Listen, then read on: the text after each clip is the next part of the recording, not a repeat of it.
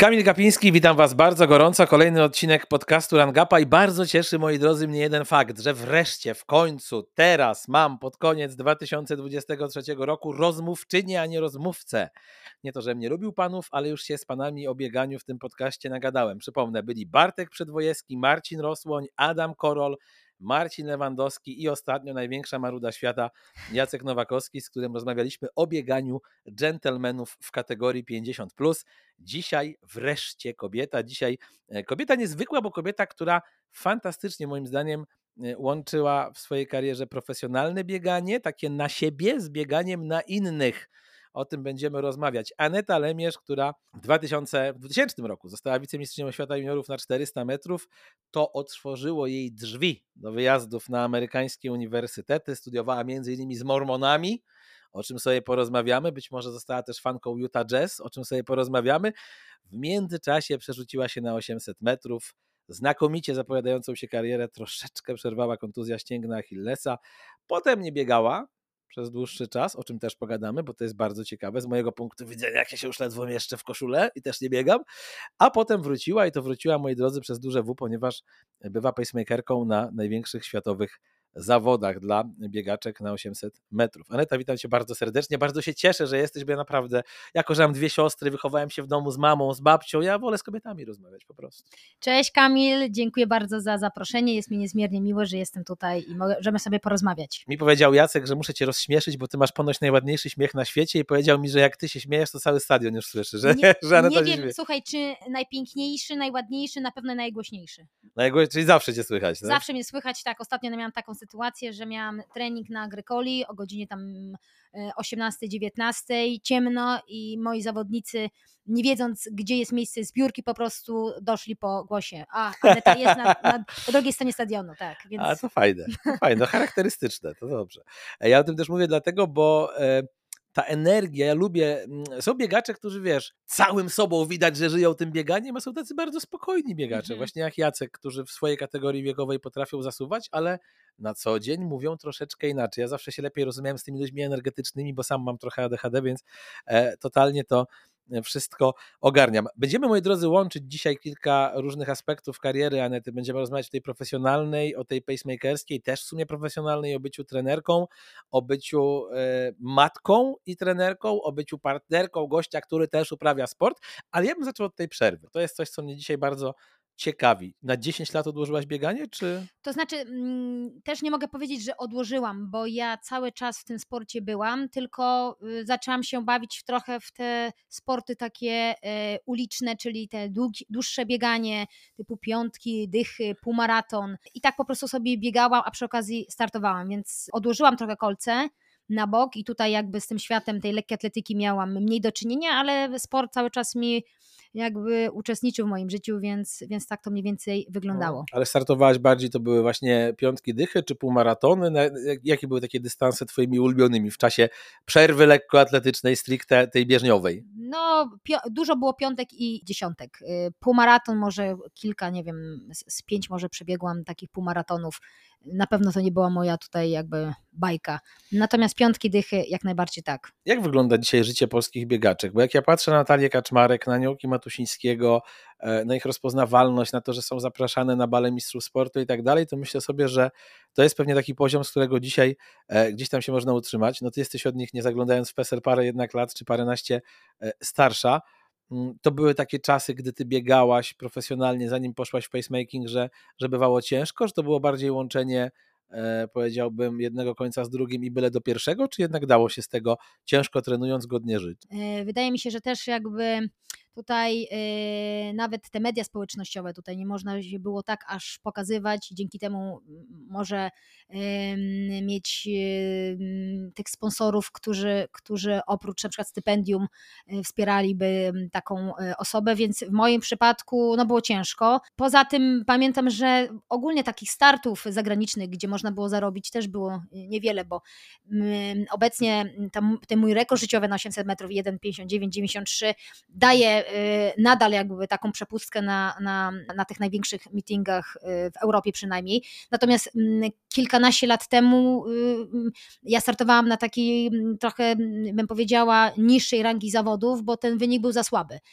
Więc też nie było możliwości tam sobie, jak to się mówiąc, mówi kolokwialnie, dorobić. Stypendium tylko było z, z, z klubu czy, czy ze związku sportowego, czyli z ministerstwa, ale to też były jakieś takie śladowe ilości, więc e, wydaje mi się, że wcześniej było, było dużo, dużo ciężej. Teraz jest więcej możliwości dla takich e, sportowców, którzy którzy zaczynają przygodę i, i tak jak w przypadku Natalii, no to tu już mówimy top of the top, więc cieszę się, że, że tutaj jest rozpoznawalna i rzeczywiście jest to naszą jedną z najlepszych lekkoatletek. Nawiasem mówiąc obiecała, że w styczniu porozmawiamy, także mam nadzieję, że do tego dojdzie. Natalia, trzymam Cię za słowo.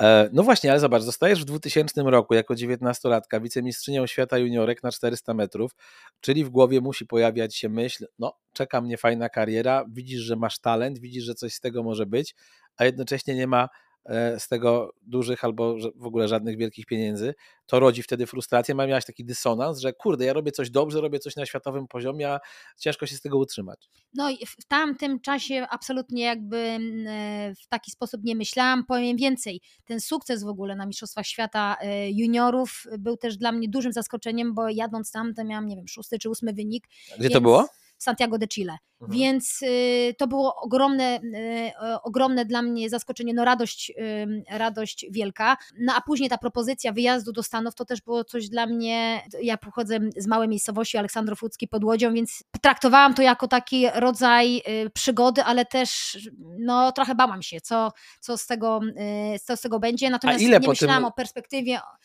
co teraz, ojej, jakie mi się drzwi otwierają i, i co z tego będzie. Absolutnie jakby miałam Chciałaś biegać. Mindset. Tak, Chciałaś po biegać. Prostu, tak, tak, dokładnie. A powiedz, e, jaki czas po zdobyciu tego wicemistrzostwa świata poleciałaś do Ameryki studiować? Ja dwa, la, dwa lata po tym, plus minus, wyjechałam, dlatego że tutaj taki był mm, nacisk czy wpływ moich rodziców, żeby tutaj cokolwiek mieć, już jakikolwiek papier, e, czyli skończyć e, uczelnię, mieć mm, chociaż ten licencjat, bo w razie czego już tak oni się też zabezpieczali, że jak tam mi się nie spodoba, wrócę i, i, i będę miała do czego wrócić, kontynuować dalszą swoją tutaj A licencjat był wychowanie fizyczne, czy co innego? Nie, nie, nie. Ja y, wychowania fizycznego nie studiowałam. Ja Aha. poszłam tak jak moja mama w ekonomię. O, proszę. Więc, tak jest, więc mam tutaj studia ekonomiczne um, skończone. Tak. No dobra, no to jesteś młodą, zdolną ekonomistką, wylatujesz do Ameryki i to jest bardziej, tam powiedzmy początek XXI wieku, więc też inne trochę realia. To jest bardziej ciekawość tego, co cię tam spotka, czy strach przed tym, co się wydarzy? No i to, i to. I ciekawość, i strach. Strach y, y, miałam na pewno przez kilka ładnych miesięcy na początku taką tęsknotę, tęsknotę po prostu do, do najbliższych, czyli rodziców, siostry, no bo ta odległość jednak to nie jest, to nie jest, to nie jest Europa i, i tutaj świadomość tego, że nie mogę sobie po prostu na weekend przylecieć y, do domu, więc z jednej strony ciekawość tego, co tam, co tam jest na miejscu, co jest nowego, co mnie czeka. Y, na pewno bardzo pomógł mi mój trener, który ściągnął mnie do tych Stanów y, na tą moją uczelnię, który był taką bardzo osobą wspierającą i rzeczywiście na początku odczuwałam to bardzo, że, że nawet pamiętam, e, pozwalał mi ze swojego tam biura na uczelni, Zadzwonić do rodziców? Dzwonić, tak, do rodziców i, i, i po prostu, żeby tutaj, żeby jakoś... Jaka to była uczelnia, jeszcze powiedz? To była e, uczelnia Brigham Young University, to jest w stanie Utah, tak jak mówiłeś okay. w podcaście. Czy ty jadąc tam e, mówiłaś bardzo dobrze po angielsku, czy średnio, czy perfekcyjnie, jak to wyglądało? No, mówiłam już dobrze po angielsku, ale to też przez ten okres tych plus minus dwóch lat po sukcesie w Santiago de Chile miałam ten czas, żeby podszlifować, podszlifować. Y, zdawałam, pamiętam, tego tefla. Y, nie wiem, czy teraz też są takie same mm, zasady mm, y, kwalifikacji na taką uczelnię. Natomiast tak, musiałam mieć jakąś określoną ilość punktów, żeby, żeby mm, ta uczelnia mnie przyjęła. Przyjeżdżasz tam, młoda, zdolna, z dalekiej Polski. Dla niektórych to może być w ogóle jakiś tam inny świat wówczas. Co ci dały te lata w Ameryce i czemu po tych latach w Ameryce e, Aneta Lemierz została światowej sławy, światowej klasy 400 metrówką, taką wiesz, mamusią dla wszystkich aniołków mm -hmm. Matusińskiemu, czemu, Matusińskiego. Czemu ja dzisiaj nie gadam z dziewczyną, która przekułaby te wicemistrzostwo świata juniorów na medale Mistrzostw Świata Seniorów. No, zgadzam się z Tobą. Powiem Ci tak, że y, początek, mimo że ten trener y, ze Stanów współpracował też z moim tutaj trenerem z Polski, Leszkiem Lipińskim, ten pierwszy rok y, miałam ciężki, chyba ogólnie, żeby się tak przestawić, trochę, trochę inne środki treningowe, inna grupa treningowa. Y, pamiętam, że miałam ogromne przez takie pół roku w ogóle problemy z na przykład jedzeniem. Tam dla mnie wszystko wydawało się takie niezdrowe. Duże i tłuste pewnie, Duże i tłuste, tak, więc to też po prostu, żeby, żeby to przejść. No i trochę inny system tutaj szkolenia. Zaczęłam dużo startować, hala zaczynała się już pamiętam w październiku chyba e, i, i byłam mocno eksploatowana, może nie październik, trochę przesadziłam, bliżej może grudnia, ale, ale było tego bardzo, bardzo y, dużo. No i później jakoś tak w naturalny sposób trener tam w Stanach stwierdził, że słuchaj, na 400 metrów te twoje 52 sekundy to jest dobry wynik, natomiast tutaj z innym trenerem rozmawiamy, żebyś może się wydłużyła, przeszła na 800 metrów, bo tam twoje szanse mogą być jeszcze, jeszcze większe, więc też ten taki, e, taka transformacja, przejście z jednego dystansu na drugi e, trochę, trochę trwała. Stąd ale nie było to, takiego tak wyniku, po... jakbym chciała na początku. Nie? Ale przyjęłaś to, powiedziałbym od razu tak, wiesz, okej, okay, trener wie co mówi, czy jednak w młodej osobie, wiesz, zagotowała się krew i stwierdziłaś, nie, ja wolę te 400? Jak, jak nie, to ja wygląda? to przyjęłam od razu. Okay. Jakoś taką byłam, ja byłam bardzo taką pokorną, e, jak to się mówi, uczennicą. Owieczką. Więc, owieczką, tak, więc y, rzeczywiście argumentacje tutaj trenera do mnie dotarły. dotarły i... A powiedz, bo dokładnie na tym miejscu, co ty tutaj, siedział kilka tygodni Marcin Lewandowski, on mi powiedział, że naprawdę w przypadku wydłużenia się z 800 do 1500 to jest prawie dwa razy dłuższy dystans i to się dwa razy bardziej cierpi. Jednocześnie zaznaczył, że to nie znaczy, że na 5, kilo, na 5 kilometrach się cierpi trzy razy bardziej niż na 1500. E, jak to z Twojej perspektywy wygląda? Na tym 800 cierpi się podobnie, cierpi się inaczej, cierpi się bardziej, mniej niż na 400? No i jeden i drugi dystans jest morderczy, natomiast z mojej perspektywy tych kilkunastu czy kilkudziesięciu lat, morderczym dystansem jednak chyba jest bardziej tutaj 800 metrów. Trochę się dłużej cierpi i, i, i trochę to zmęczenie jakby przechodzi wolniej niż na 400 metrów, natomiast y, te kluczowe ostatnie 150, 200 metrów, tam trzeba pokazać y, i rzeczywiście z mojej perspektywy 400 metrów jest dużo, dużo przyjemniejsze. Mimo no, wszystko. No tak, e, to na pewno. Chociaż pamiętam, że rozmawiałem jeszcze za czasów radia Weszło FM z Małgosią Hołb-Kowalik, jak ona mi opowiadała o tych treningach, które one kończyły wymiotując i tak dalej. Ja wtedy byłem w dużo większym treningowym sztosie niż teraz. Pamiętam, że chyba się do Ironmana przygotowywałem, no to łapałem się za głowę. Jak, jakby, jak ona mówiła, jakie to jest zakwaszenie i jaki to jest wysiłek. Na co dzień widzisz te ładne, uśmiechnięte dziewczyny, które gdzieś tam rywalizują na zawodach, ale może jakoś specjalnie mocno nie zastanawiasz się, ile bólu tak. kryje się za tym, żeby do tego poziomu dojść. No nie, no dziewczyny tutaj trenują bardzo, bardzo ciężko y, i rzeczywiście my widzimy na końcu tylko na, na zawodach tych najwyższej e, rangi, jak wspaniale Szczupłe, sobie, uśmiechnięte, tak, pomalowane, i, nie? Tak, i przebiegną i, i, i, nie położą się na tym tartanie, są uśmiechnięte, zdobywają e, medale, natomiast jest to krojone ogromną, ciężką e, pracą i taką zawziętością, podziwiam je całym sercem. I, i tutaj Małgosie i, i te, i, te, młodsze dziewczyny, które teraz już wchodzą na, na tą arenę krajową, międzynarodową, coraz mocniej. Kiedy y, przyszła kontuzja? Kiedy zaczęły się te problemy? Bo ty miałaś kłopot z Achillesem, tak? tak? Kłopoty z Achillesem rozpoczęłam, zaczęły się tak o plus minus w oko, y, około 2007 roku. Ja pamiętam, że mm, ja już y, cały czas trenowałam w Stanach, natomiast po uczelni, po skończeniu uczelni przyniosłam się do stanu Montana. W miejscowości Missoula miałam taką świetną grupę treningową, trenowałam z Kanadyjkami i pamiętam, że po okresie 2006, gdzie tam złamałam te dwie minuty.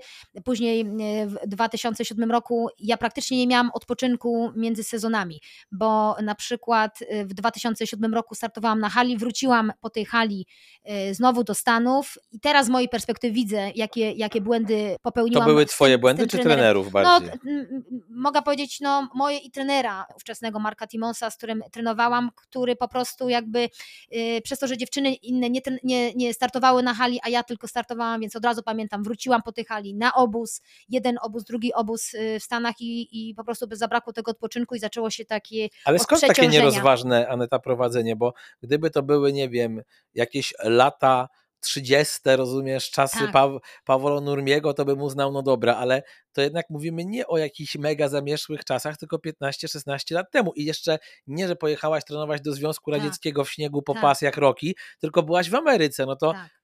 Zajechali cię i trochę tego nie rozumiem. Tak. Dlaczego? Powiem szczerze, że, że teraz jakby patrząc na to po tych kilkunastu latach, y, mając tą wiedzę, co teraz, co, co teraz mam, to rzeczywiście ja bym nawet zwróciła uwagę trenerowi, że słuchaj, Coś jest nie tak. coś jest, coś jest nie tak, nie, muszę, potrzebuję odpoczynku, bo miałam mocną halę, ileś tych startów zakończonym startem w Mistrzostwach y, Halowych Europy, pamiętam w Birmingham.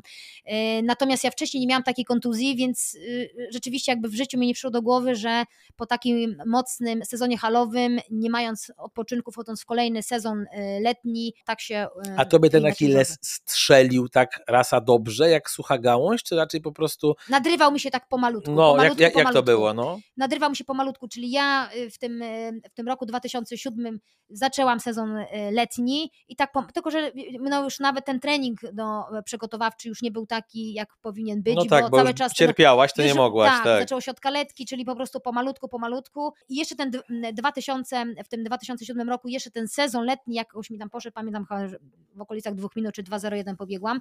Natomiast pod koniec, pod koniec tego sezonu, no to już sobie tak solidnie naderwałam ścięgna Achillesa i, i, i trzeba było zrobić przerwę. No i zobacz, tak sobie patrzę, znowu nie wypominając metryki, ale miałeś wtedy 26 lat. W sumie najlepszy wiek dla Tak. sportowca, nie? Ten przedział Tak. 26-30, 26-32, no nic, tylko bić rekordy, poprawiać swoje życiówki, stawać na podiach i tak dalej. Tracisz to? Jak wyglądała ta walka o powrót do zdrowia i czemu w sumie nie wyszła tak, jakbyś chciała? No słuchaj, walka była taka dosyć duża. Ja pamiętam, że trener chciał mnie ściągnąć, żebym nie operowała tej nogi, że- żebym wróciła do Stanów. I ja wróciłam do Stanów. Cały czas tam nie mogłam mm, mm, trenować na tyle, e, na ile mogła sobie pozwolić, więc ja straciłam plus minus kolejny taki rok.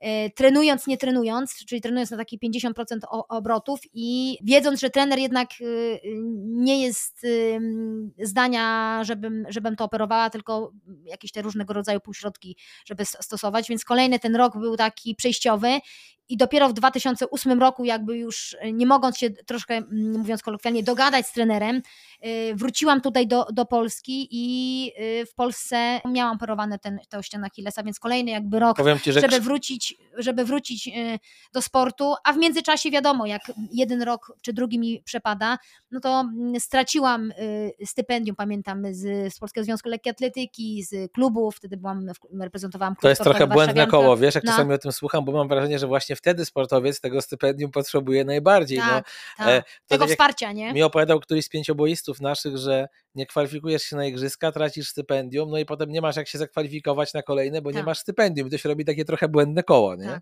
niestety. I też jak Tak. cię słucham, to Krzysztof Różnicki mi się przypomina z tych bardziej współczesnych, obecnych czasów, no bo to też wielki talent, którego kontuzja mocno na dziś wyhamowała. Tak, tak, zgadzam się w 100%. Ja pamiętam w ogóle, że e, ja z moją mamą tam jeździłam po lekarzach, po, żeby czy rzeczywiście operować, nie operować, a jeśli tak, to gdzie? Więc bardziej miałam wsparcie tutaj ze strony najbliższych niż na przykład Związku Sportowego. Mhm. E, Ale to mówię, no to było kilkanaście lat temu. I na czym to stanęło w E? Mam nadzieję, że to teraz trochę, trochę lepiej wygląda e, dla, Mhm. dla, dla polskich zawodników. Więc stanęło to na tym, że no właśnie z takiego poziomu ciała europejskiego, które reprezentowałam na 800 metrów, no zakończyłam tą swoją e, karierę po tych kilku latach e, od kontuzji i, i zaczęłam się właśnie bawić tak już rekreacyjnie e, w tych biegach ulicznych, czyli ten sport był obecny, ale już nie na tym poziomie Okupiłaś to, nie wiem, wiesz, bo dzisiaj dużo mówi się o depresji, dużo mówi się o zdrowiu psychicznym.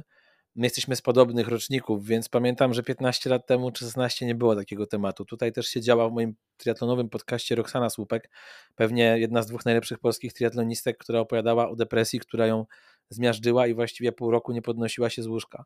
E, Ty miałeś taki moment, wiesz, no masz kurde 27 czy 8 lat, najlepszy wiek, musisz kończyć poważne europejskie bieganie. Stryknęłaś palcem i poszłaś dalej, czy jednak było ciężko? Wiesz co, miałam taki, mm, w, w tym momencie pamiętam, że pojawiła mi się taki w, środku taki spokój, że Boże, y, dobrze, że mam skończoną tą, tą uczelnię, jedną, drugą. I to czyli- wiesz, nie, nie ten czyli- AWF z całym szacunkiem, tylko ekonomię, która też ci daje inne tak, możliwości, tak, że po prawda? prostu, tak, że odetchnęłam, że mam jakieś zaplecze. To wtedy się pojawiło y, b- to, ta, ta myśl. Natomiast rzeczywiście nie miałam nigdy jakby zdiagnozowanej zaawansowanej depresji. Wydaje mi się, że, że, mm, że mnie to ominęło, natomiast y, wewnętrznie jakiś taki, taki, taki niepogodzenie się, czy taki ból trochę z tym, że tak szybko muszę kończyć, pewnie było, natomiast no mówię, ja ogarnęłam się jakby w miarę szybko i poszłam dalej po prostu. A łączyłaś wtedy te bieganie uliczne właśnie z pracą w branży ekonomicznej? Jak to wyglądało? Tak, tak. Ja trenowałam praktycznie, trenowałam, no biegałam sobie rekreacyjnie praktycznie codziennie. Bardziej w tym, w tym okresie takim letnim startowałam na jakichś tych biegach różnych ulicznych, które, które y, corocznie odbywają się y, w Polsce i normalnie pracowałam, tak. I co robiłaś, jeżeli to nie jest tajemnica? I no, czy to jeszcze robisz, zaczy... czy, czy, już nie? Y, nie, nie, nie, nie. Ja okay. zaczynałam rzeczywiście, w, czyli szłam w, w, kierunku swojego tutaj tych, tych stu, z tego wykształcenia, czyli właśnie w księgowości, tutaj w, w, ekonomii. Powiem szczerze, że nawet już nawet nie pamiętam, chciałam sobie to wyciągnąć, ile ja w ogóle mam różnych certyfikatów, nie wiem, samodzielna księgowa pierwszego stopnia, drugiego stopnia. Mówię, szłam trochę w kierunku mojej mamy, y, która, y, która jest biegłym rewidentem, więc tak trochę ona mnie też motywowała do tego, jakie inne wykształcenie muszę jakby w którą stronę y, iść. Teraz z mojej perspektywy właśnie chyba bym wybrała w pierwszej kolejności AWF, więc też hmm. wydaje mi się, że no ale no też studia ekonomiczne też mi się oczywiście w życiu y, przydają, wykorzystuję. Natomiast pamiętam w Procter Gamble no różne, różne takie y, branże, gdzie zajmowałam się tutaj stricte jakimiś takimi usługami finansowymi, księgowymi. Natomiast później tak w sumie przypadkowo, siedząc cały czas w tym sporcie już trochę amatorsko, natrafiłam na ogłoszenie z Polskiego Związku Lekkiej Atletyki i tam e, zaaplikowałam i tam się dostałam, więc jakby, jakby zmieniłam, pamiętam, że kolega pracując w Procter Gamble koncern amerykański, dosyć bym powiedziała duży, dużo prężnie działający i rzeczywiście z perspektywą kariery łapał się za głowę, mówi Co ty e, robisz? Co ty robisz Aneta? Idziesz do związku sportowego, mówi, a, a, a tutaj masz takie fajną ścieżkę fajne kariery, nie? No tak, tak. Fajna, a co wtedy robiłaś w związku? W związku sportowym zaczynałam od działu zagranicznego, czyli właśnie przygotowywanie tutaj, pamiętam, zajmowałam się klubem Polska, czyli miałam kilku tutaj tych najlepszych naszych zawodników, typu Piotrek Małachowski, Tomek Majewski, e, Ania, ta, Anita, przepraszam, Wodarczyk, no i, i jakby ich ścieżką tutaj, y, tą, y, tą łączką w cudzysłowie, czyli ich przygotowaniami w takiej cyklu rocznym przygotowywałam e, wyjazdy na zgrupowania, wyjazdy. Takim menadżerem byłaś trochę, Takim do spraw zagranicy. Yy, tak, tak. No, organizowanie różnego rodzaju wyjazdów na Mistrzostwa Europy, świata, no i te różnego rodzaju też zgrupowania zagraniczne. To zaraz pójdziemy dalej, ale ja bym jeszcze na chwilę do Ameryki wrócił, bo tak. studiowałaś w miejscu, gdzie było bardzo dużo mormonów, czyli ludzi bardzo specyficznych, z naszego punktu widzenia, nie ze stanu Utah. Co daje w tak młodym wieku przesiąknięcie zupełnie inną kulturą, poznanie innych zwyczajów? Czy to jest coś, co na przykład procentuje do dziś u ciebie, bo nie wiem, czujesz, że jesteś bardziej tolerancyjna na inność i tak dalej? Jakby z perspektywy lat, jak te studia jako człowieka cię zmieniły? No, y, zgadzam się z Tobą w 100%, że rzeczywiście widząc y, inną tam kulturę, inną religię, ja całkowicie się też jakby podporządkowałam. To znaczy, miałam też mm, kilka przedmiotów z religii. Pamiętam, że Księga Mormonów 1, Księga Mormonów 2, czy tam wstęp do mormonizmu, tak mówiąc, tłumacząc z języka angielskiego. Więc ja rzeczywiście ta, te podstawy skończyłam w, na, na uczelni, natomiast y, ogromny mam szacunek. Na przykład tutaj do do, do Mormonów. Miałam, mówię, y, wspaniałych tutaj ludzi wokół siebie, łącznie z, z trenerem, z którym, y, ze stanu, w którym mam kontakt do dnia dzisiejszego Mormonem, więc rzeczywiście taki szacunek. Ciekawe zasady w wywiadzie na weszło dla Sebastiana Warzechy opowiadałaś. E, nie piją kawy czy herbaty. Tak. Ja bym już miał z tym problem. Ja nie piję alkoholu, więc muszę pić kawę czy herbatę, no coś muszę pić. Tak, tak, bo oni e, to traktują jako używki. Tak. Aha. To no, tylko woda? Czy Coca-Cola gdzieś tam no, stołu? No Coca-Cola, jakieś tam dajetko, jak to się mówi, tak, jak najbardziej. Ja pamiętam, że, że na początku, jak w ogóle y, aplikowałam na tą uczelnię, to, to ja to wszystko musiałam jakby potwierdzić, że ja się zgadzam, że nie będę pić. Ja na początku to w ogóle nie rozumiałam tych zasad, więc ja się na wszystko jakby godziłam, dopiero jadąc tam mówię, Boże, co tu jest grane. Natomiast to jest kwestia jakby przestawienia się. I, I tyle, tak samo z ubiorem pamiętam, że, że tam, nie wiem, spódniczki na przykład za kolano, chodzenie jakoś tak wyzywająco w jakichś krótkich topach i tak dalej, i tak dalej, czy pamiętam, że y, zawodniczki na przykład z zagranicy, tak jak ja, lakatletki miały tam ileś tych tatuaży, to musiały po prostu mieć to pozakrywane na przykład y, chodząc mhm. na uczelnię, bo, bo były przypadki, że inny jakiś tam y, A zakochałaś się w jakimś amerykańskim sporcie, bo wiesz, Utah, no to mówię, mojej, mojej jakby ludziom z mojego rocznika się kojarzy Utah Jazz, John Stockton, Karl Malone, te klimaty, czyli NBA, ale jakimś z amerykańskich sportów koszykówką albo innym przysiągłaś, czy nie? No, no da, ja tylko tam lekkoatletyką żyłam. Tak? Tak, tak. Chodziłam, pamiętam, na kilka meczów piłki siatkowej, bo pamiętam, że, że tam męska reprezentacja była w tych, w tych rozgrywkach NCAA chyba numer jeden czy dwa w Stanach, więc, więc na to y, chodziłam. Kilka razy byłam na, na meczach futbolu amerykańskiego, ale nie, nie, mm, jakoś tak nie porwało mnie to. Nie dla ciebie. nie dla no, mnie. No dobra, jesteś w związku, masz lat wtedy ile, jak odchodzisz z Procter Gamble, pi razy drzwi? No około trzydziestki mogłam mieć. Jesteś wtedy powiedzmy sportową trzydziestką, tak. biegasz sobie po ulicy i jak z biegaczki po ulicy stajesz się dziewczyną, która wygrywa Mistrzostwa Świata Mastersów, jedzie tam i demoluje wszystkich w ogóle, mhm. że nie ma czego zbierać. Bo to jest, wiesz, ciekawa droga. Co się stało, że ci się odwróciło. Ja powiem Ci tak, że y, pamiętam rozmowę, y, pracując w Polskim Związku Lekkiej Atletyki,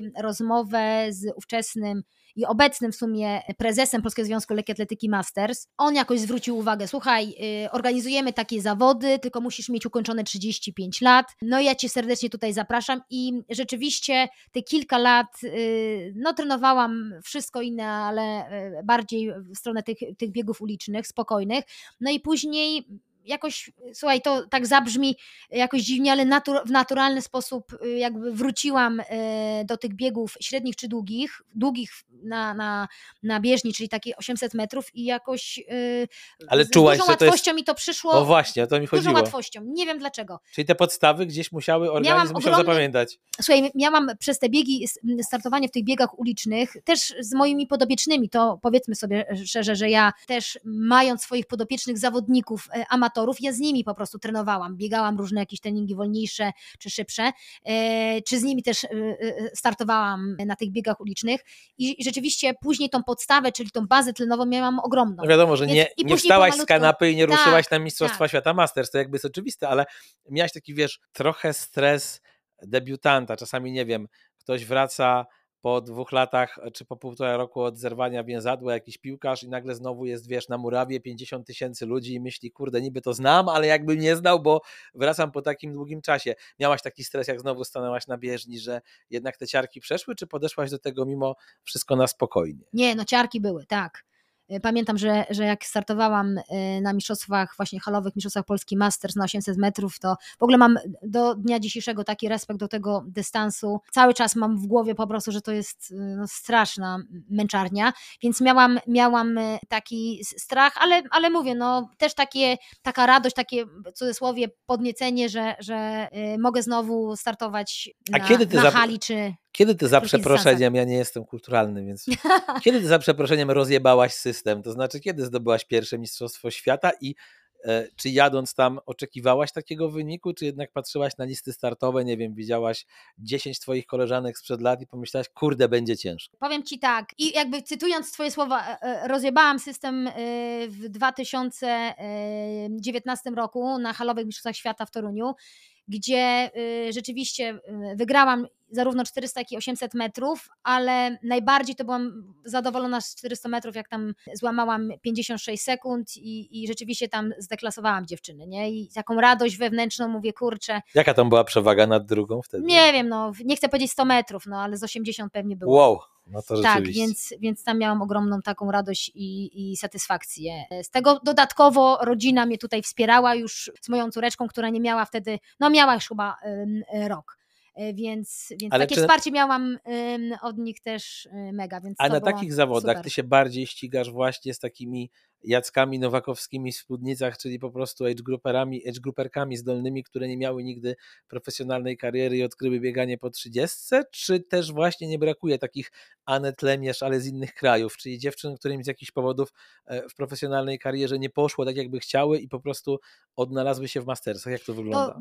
To raczej więcej jest tych Anet, mhm. bym powiedziała. E, czyli tak, no startują jakby wszyscy, natomiast różnica jest ogromna, kolosalna i widać tych, te zawodniczki, które kiedyś trenowały y, wyczynowo, obojętnie czy zakończyły swoją karierę w wieku tam juniorowskim, inny sposób biegania, jakoś tak od razu to się rzuca w oczy. Natomiast z mojej perspektywy teraz y, łatwiej chyba jest mi startować z, na 400 metrów, mam tam nadal tą znaczącą przewagę nad innymi konkurentkami niż w biegach y, średnich. Okej. Okay. Moi drodzy, rozmawiamy z Anetą Lemierz, kolejny odcinek Run Gapy, teraz chwila przerwy, kącik trenerski i zaraz wracamy.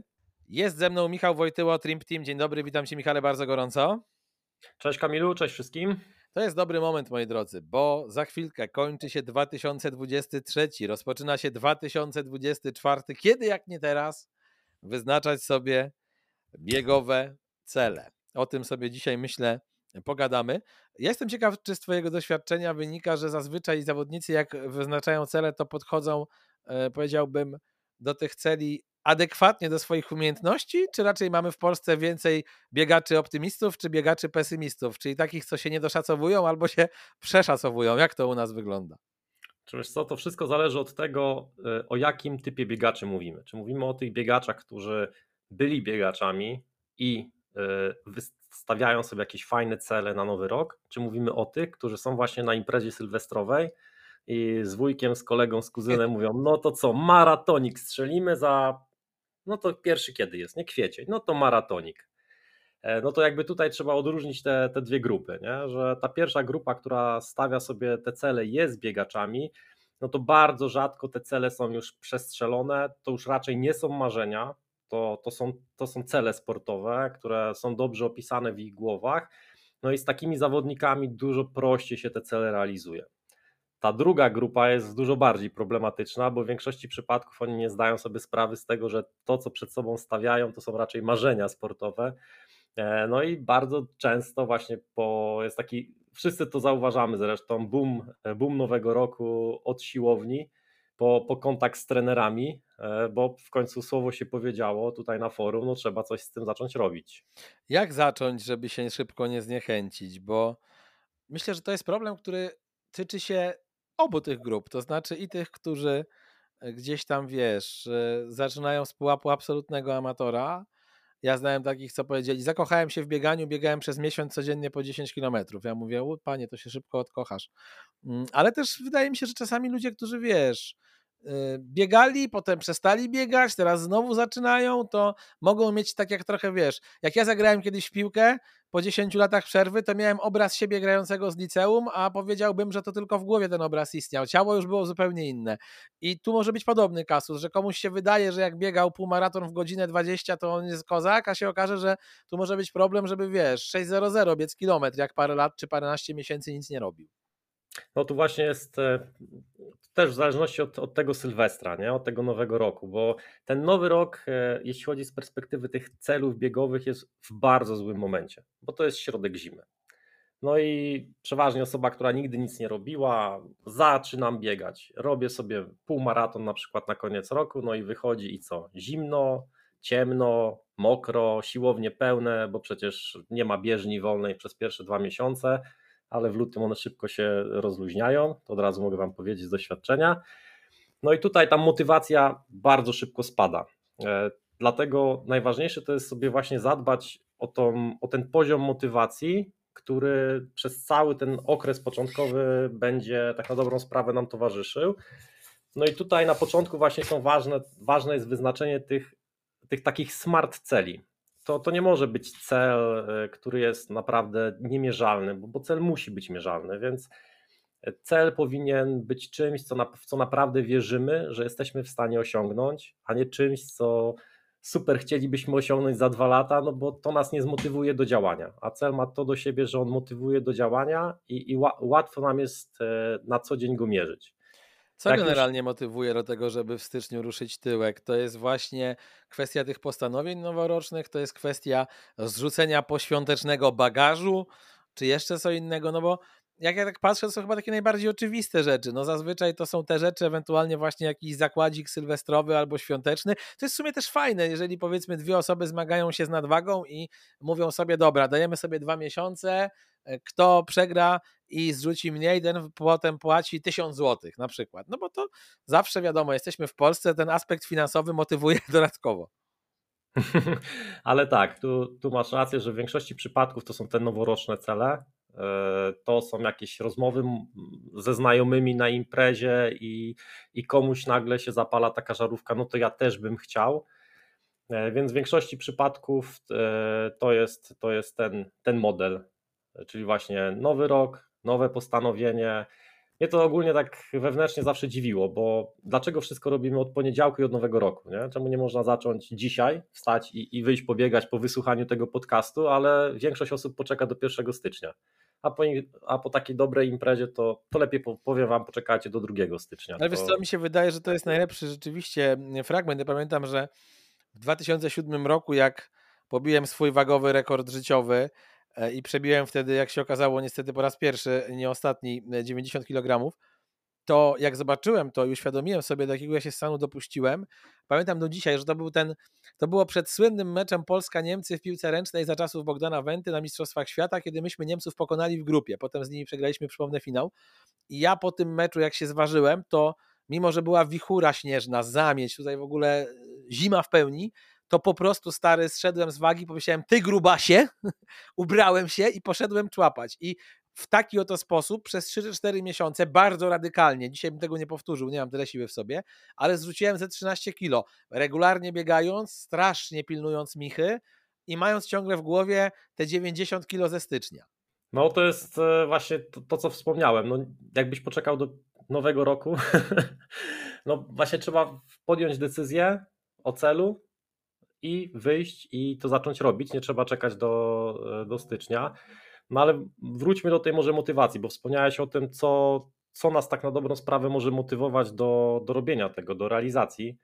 Więc jak już wyszliśmy, mamy ten cel, podjęliśmy tą decyzję, że to robimy, no to warto zadbać o taką różnorodność treningów, bo bieganie samo w sobie jest monotonne, no bo jest to jedna dyscyplina sportu, ale to nie znaczy, że ono musi być nudne, bo możemy sobie wplatać różne miejsca, w których biegamy. Możemy czasami wyjechać za miasto do jakiegoś lasku, poznawać teren e, wokół naszego miasta. Jest bardzo dużo tras biegowych praktycznie wszędzie. Na różnych portalach społecznościowych są traki do tras biegowych, więc wplatanie tej różnorodności już nam daje taki fajny poziom motywacji. No dzisiaj poznam coś nowego.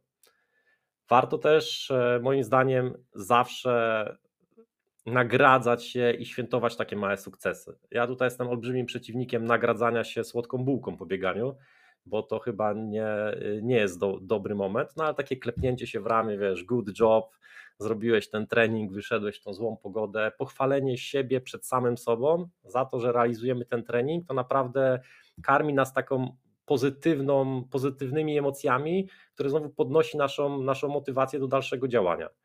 Więc też ważnym elementem jest moim zdaniem znalezienie sensu w bieganiu, bo bieganie dla biegania ono po chwili stanie się nudne. No i musimy my wewnętrznie sobie mieć taką świadomość, po co my to robimy. Czy robimy to dla zdrowia, dla relaksu, czy podjęliśmy jakieś wyzwanie osobiste i chcemy zrealizować ten nasz cel, bo to też napędza nas w takim, w takim codziennym działaniu. No i finalnie warto też śledzić postępy, no bo jakby w końcu po coś to robimy e, i robimy to do, do, dla śledzenia tych postępów. No i to wszystko powoduje, że my się napędzamy. My dajemy sobie te pozytywne bodźce, karmimy tą motywację naszą tymi pozytywnymi bodźcami, no bo dobrze wiemy, jesteśmy tym, co jemy. Jeśli będziemy się karmić pozytywnymi bodźcami, pozytywnym myśleniem, to ta motywacja nas jakby nie opuszcza, ale kiedy gdzieś pozwolimy sobie tutaj pomarudzić trochę, no to z tej motywacji szybko zrobimy demotywację. No i w tym momencie właśnie jesteśmy w lutym i przestajemy trenować. Właśnie ciekaw byłem z Twojego doświadczenia, jak wynika, jaki procent tych noworocznych postanowień jest dowiezionych potem, a jaki nie. Że powiedzmy na tych 10 zawodników, zawodniczek, co chcą coś zmienić, to ilu to się realnie udaje. To jest bardziej Dwójka, trójka, bardziej siódemka, ósemka? Da się to jakoś w ogóle policzyć? To, to, jest, to jest, Kamil, ciężkie do policzenia, bo dużo zależy od tego, czy taka osoba przychodzi i na samym początku już rozmawia o tym, co sobie wymyśliła i czy ona akceptuje informację, która do niej dociera, że to nie jest cel, to jest marzenie i z marzeniem to my nic nie zrobimy, bo, bo marzenie jakby jest niemierzalne, ono nie daje nam motywacji, ono może ma taką wiesz, podłoże emocjonalne, pozytywne, ono gdzieś e, pozwoli nam na chwilę wyjść na ten trening, e, no ale z marzeniem nic nie zrobimy, ale jak już opiszemy sobie fajny cel z takim zawodnikiem, to myślę, że tutaj zasada Pareto by dobrze zadziałała. Tak 80% osób z dobrym celem dociąga ten cel i zostaje w bieganiu dalej, ale też z drugiej strony 80% osób z marzeniem nie dociąga marzenia i hmm. jakby przestaje biegać. A są takie nieoczywiste cele, dla których ludzie zaczynają biegać, no bo zazwyczaj to są właśnie te cele, o których e, z mojego doświadczenia wynika, czyli chcesz zrzucić wagę, założyłeś się z kimś, rozkochujesz się w bieganiu, bo chcesz być częścią tej społeczności, chcesz po prostu być zdrowszy, bo ci wychodzi, że masz cholesterol wielkości Pałacu Kultury, nie wiem, a zdarzyło ci się, że ktoś z jakiegoś zupełnie odjechanego takiego powodu, że posłuchałeś i pomyślałeś, że nie wiem, on cię może wkręca, zaczął biegać, czy takich przypadków raczej nie ma? Wiesz co, może z takiego super odjechanego nie. No, większość osób jednak y, ma te cztery podstawowe rzeczy, o których wspomniałeś, ale miałem przypadek osoby, która przyszła biegać, bo się zakochała w biegaczce, e, zakochał w biegaczce i, i stwierdził, że jak dociągnie do tego poziomu, to będzie miał większe szanse. E, i to był jego główny cel, e, więc e, to był chyba taki najdziwniejszy powód, dla którego zawodnik do mnie przyszedł. Czyli love is in the air. I teraz no, muszę zadać to pytanie w imieniu całej grupy słuchaczy. Udało się? Nie wiem jak teraz, wtedy się, wtedy się udało. E, jak ten związek teraz funkcjonuje, no to, to tego nie jestem w stanie Wam powiedzieć. Czyli Mission Impossible, jakiś Tom Cruise biegowy się pojawił i dowiózł. To jest dobra informacja. Słuchaj, nowy rok, nowe możliwości, więc ostatni odcinek Rangapy w 2023, więc Cieszy mnie to. Nigdy, że... nigdy nie wiesz, kogo spotkasz na ścieżce biegowej, nie? Mm, dokładnie tak, dokładnie tak. Najgorzej jak spotykasz dzika w lesie albo ekshibicjonistę, no ale jak rzeczywiście będzie to ktoś miły, to. to ale wtedy, jest... trzeba, wtedy trzeba umieć szybko biegać już. Tak, to jest motywacja do zrobienia cardio. E, Michał, dziękuję Ci bardzo serdecznie. Dziękuję wszystkim i przy okazji szczęśliwego nowego roku i realizacji wszystkich zaplanowanych celów. I biegajcie 1 stycznia, bądźcie rano w takiej formie, żeby biegać, a nie żeby powiedziałbym, próbować złapać pion. Dziękujemy bardzo serdecznie. Tyle Michał Wojtyła, Trim. Wracamy do podcastu, tyle w kąciku trenerskim. Jest ze mną Aneta Lemierz. Tak jak mówiliśmy, w 2019 roku rozpieprzyła system. To będę zmieniał, żeby nie było ciągle jednego słowa, też na R. E, no dobrze, ale to znowu pomiędzy bieganiem amatorskim, nawet na tak wysokim poziomie, a startowaniem w najlepszych meetingach jako pacemakerka dla najlepszych zawodniczek na świecie, to ciągle jednak jest duża różnica. I teraz słowami naszego narodowego wieszcza Zenka Martyniuka zapytam, jak do tego doszło? No właśnie doszło y, do tego podczas halowych Mistrzostw Świata Masters, czyli ten rok 2019, kiedy y, wywalczyłam złoty medal na 400 metrów, pobiegłam poniżej tych 56 sekund i odezwał się po tym starcie do mnie mój obecny menadżer sportowy Janusz Szydłowski, propozycją, czy chciałabym no, prowadzić na, na, na różnych meetingach. Nie mówił tutaj w tamtym, w tamtym czasie na jakich meetingach w sensie rangi. Bardziej to, mm, to były takie, nie powiem lokalne, ale mniejsze e, meetingi e, europejskie. Czy chciałabym się po prostu trochę w to pobawić. Przyjęłam propozycję i... Ale to było takie tak jak z tym przejściem z 400 na 800. Pstryk, wchodzę w to, czy musiałaś to jednak Kamil, przemyśleć? to było pstryk ja po prostu się tak jakby ucieszyłam y, tą, tą możliwością startowania tutaj i, i prowadzenia, że mm, jakby nie zastanawiałam się długo. Okej. Okay. I jakoś tak w naturalny sposób w to wsiąknęłam. Okej, okay, bo my mamy tak. Ja lubię Polaków, którzy są nieco z boku, ale jednocześnie na bardzo wysokim światowym poziomie. Analogią do ciebie, paradoksalnie dla mnie jest, uważaj, bo się możesz zdziwić, Szymon Marciniak. Mhm. Czyli nasz najlepszy sędzia, mój kolega z Płocka zresztą, mojego rodzinnego, który bierze udział w największych światowych wydarzeniach, sędziował finał Mistrzostw Świata czy finał Ligi Mistrzów. Wiadomo, jako sędzia jest trochę z boku, a na tym też polega dobry sędzia i wydaje mi się, że to jest nieco tożsame z byciem dobrym pacemakerem, bo to nie na ciebie te światła kamery mają być skierowane, mimo tego, że przez jakiś czas biegniesz z przodu, E, no i bycie dobrym pacemakerem jest trochę jak bycie dobrym sędzią, czyli musisz być mistrzem ról drugoplanowych dla mnie. Tak, zgadza się. I kiedy ty to mistrzostwo osiągnęłaś? Kiedy ty poczułaś, że to jest dla ciebie? Od pierwszego, to była miłość pacemakerska, że tak powiem, od pierwszego meetingu, czy potrzebowałaś trochę czasu, Nie, od, żeby od, to złapać? Od pierwszego meetingu. Od pierwszego meetingu. Rzeczywiście jakoś w naturalny sposób, obojętnie jakie miałam y, założenia na, na dany y, bieg, jakoś y, w naturalny sposób trafiałam, czy trafiałam, no robiłam swoją, swoją robotę, więc rzeczywiście przechodziło mi to, czy przechodzi w miarę łatwo. No ale też muszę tutaj powiedzieć, że z, z, perspektywy na przykład moje dla, dla młodych zawodniczek, młodszych ode mnie, które y, chciałyby się również y, w cudzysłowie pobawić w takie pejsowanie, no trzeba mieć też mocną głowę tutaj. Mhm. Rzeczywiście, żeby się, żeby się nie spalić, żeby, żeby mieć tą świadomość, ok, mam zrobić, y, wykonać swoją robotę dobrze, nie patrz, że jest tam, nie wiem, 15 tysięcy ludzi tutaj na stadionie i masz za sobą wicemistrzyni świata na 800 metrów i po prostu jak coś źle zrobisz albo czyli za szybko albo za wolno po prostu się po prostu się na, na tym, co masz, co masz do wykonania i, i, i starać się jakby nie denerwować i żeby ta głowa trochę, trochę na y, zbyt wielu rzeczach się nie skupiała tylko na tym, na tym jednym zadaniu, nie? Jaki jest rząd skali? To znaczy w jakich największych meetingach, żebyśmy tak wiesz, trochę mogli cię zareklamować i pochwalić? Ty byłaś pacemaker, pacemakerką dla tych największych zawodniczek? No to są te, te, większość tych biegów, y, tych diamentowych lig, no nie wiem, kilka, kilka razy na diamentowej lidze w Sztokholmie, y, Londyn dwa razy, no to jest moje w ogóle ulubione, będę pamiętać do końca życia te, te zawody. Cztery lata temu, jak po raz pierwszy poprowadziłam na diamentowej lidze w Londynie i tam ilość tych właśnie kibiców na stadionie i ten aplauz, pamiętam że wygrała Lindsay Sharp, która nomen omen niedawno zakończyła swoją karierę e, sportową. Po prostu aplauz tutaj kibiców, no niesamowita, niesamowita atmosfera, więc to są taka, takiego no, zawody najwyższego tutaj szczebla. Wiem, Rzeczywiście że... niesamowite doświadczenie. Wiem, że dżentelmeni o pieniądzach nie rozmawiają, ale po pierwsze tutaj jest mężczyzna i kobieta, po drugie daleko mi do dżentelmena. E, czy możesz powiedzieć, jakie są stawki pacemakerskie, bo chociaż zbliżone, czy nie możesz i czy to są godne pieniądze dzisiaj, jak tam Mo, jedziesz? Może tak dyplomatycznie odpowiem, że są to, y, że są to godne pieniądze, jeśli mówimy tutaj o tych zawodach już najwyższej y, rangi, czyli mhm. właśnie na przykład takie diamentowe ligi, czy tam te, te goldy, czy y, silver, mhm. jeśli chodzi o, o ranking. Teraz masz zapewne już wypracowaną renomę i kiedy słyszą dziewczyny z Afryki czy z innych kontynentów, że jest Aneta Lemierz, to wiedzą, że poprowadzisz ten bieg jak trzeba.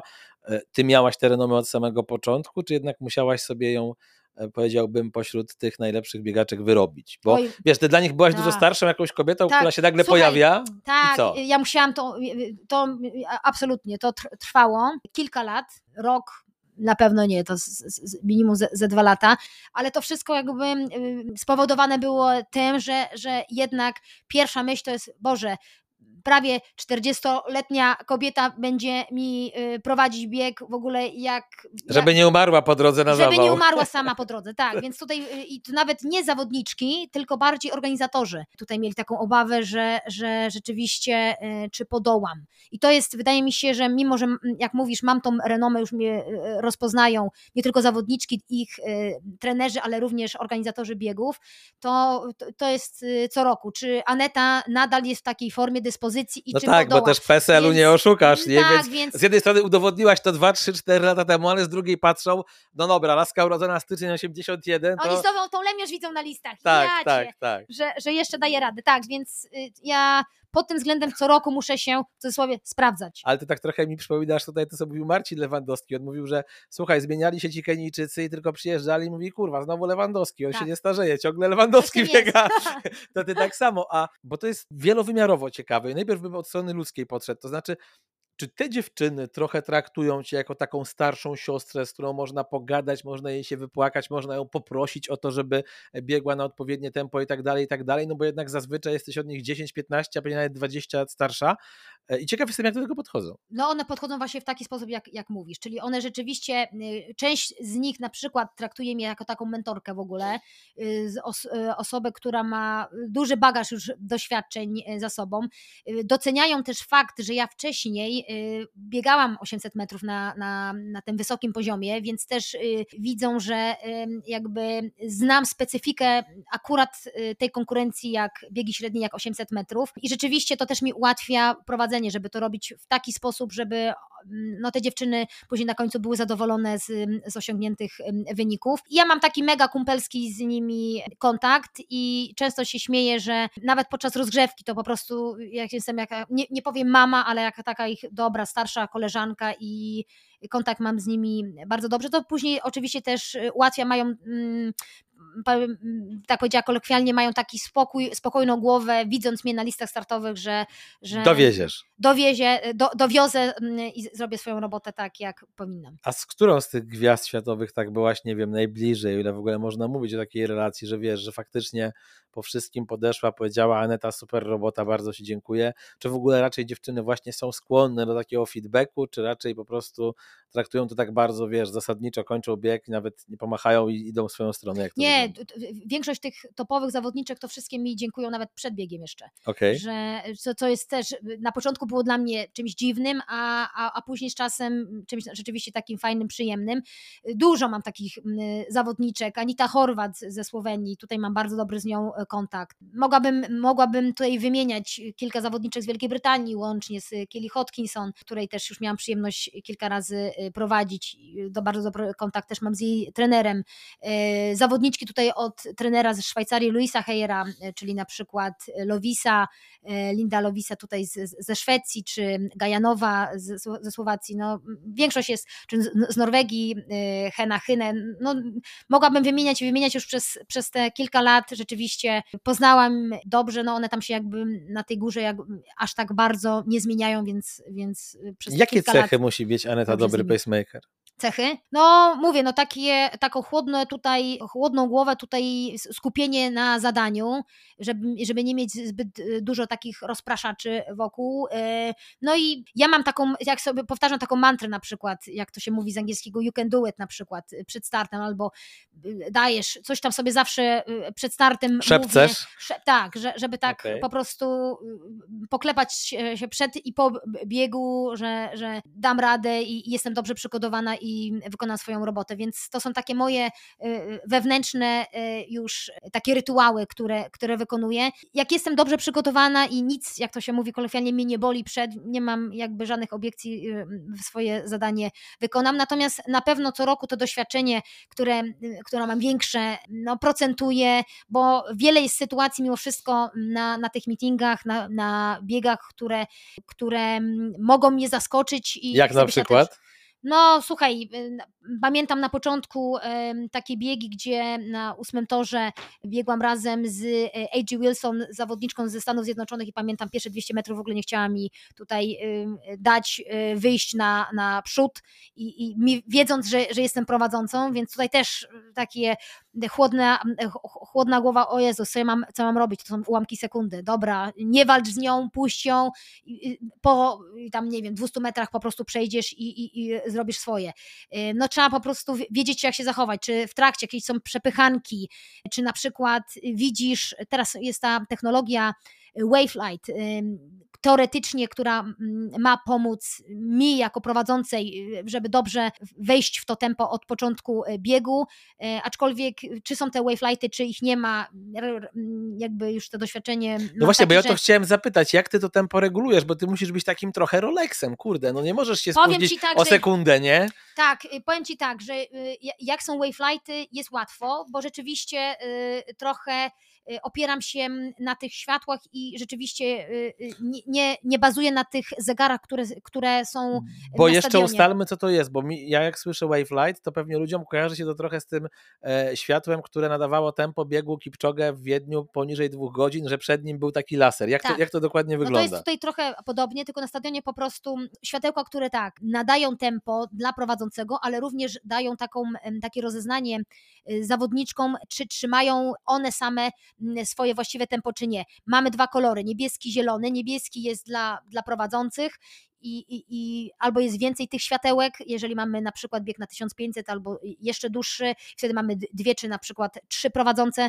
Tak miałam y, w Berlinie na przykład, gdzie, miał, gdzie były trzy prowadzące, ja byłam jako pierwsza, później była druga i trzecia, no tutaj trzeba niesamowicie rzeczywiście synchronizować i dobrze y, zgrać z tymi prowadzącymi pozostałymi. No a również później jak schodzą prowadzące i te światełka nadal są, to dla osoby, która walczy o jakiś tam rekord, no to też jest och, okej, okay, widzę, nie, nie tylko myślę nad tymi zegarami, co pokazują, ale również te światła A jak to pomagają. wchodziło, to nie wzbudzało kontrowersji? To znaczy nie uważali tego jacyś, wiesz, tacy zatwardziali fani lekkoatletyki od lat, że to jest po prostu ułatwienie, no bo pomaga no jest ci ułatwienie. To, no właśnie. Jest ułatwienie powiem szczerze, że nie wiem, jakie tam były opinie na początku. Dla mnie, na, dla mnie, dla prowadzącej, pamiętam pierwszy raz chyba w Oslo na Diamentowej Lidze miałam z tym do czynienia, więc y, rzeczywiście ja miałam w ogóle stres, bo pamiętam organizator mi chyba ze trzy razy tłumaczył przed Aneta, pamiętaj ty na niebieskich, zawodniczki na zielonym. No to dla mnie był taki bardziej stres, bo na takich zawodach po raz pierwszy miałam testować tą technologię, więc... Z grubej rury od razu rury, poszło. Tak,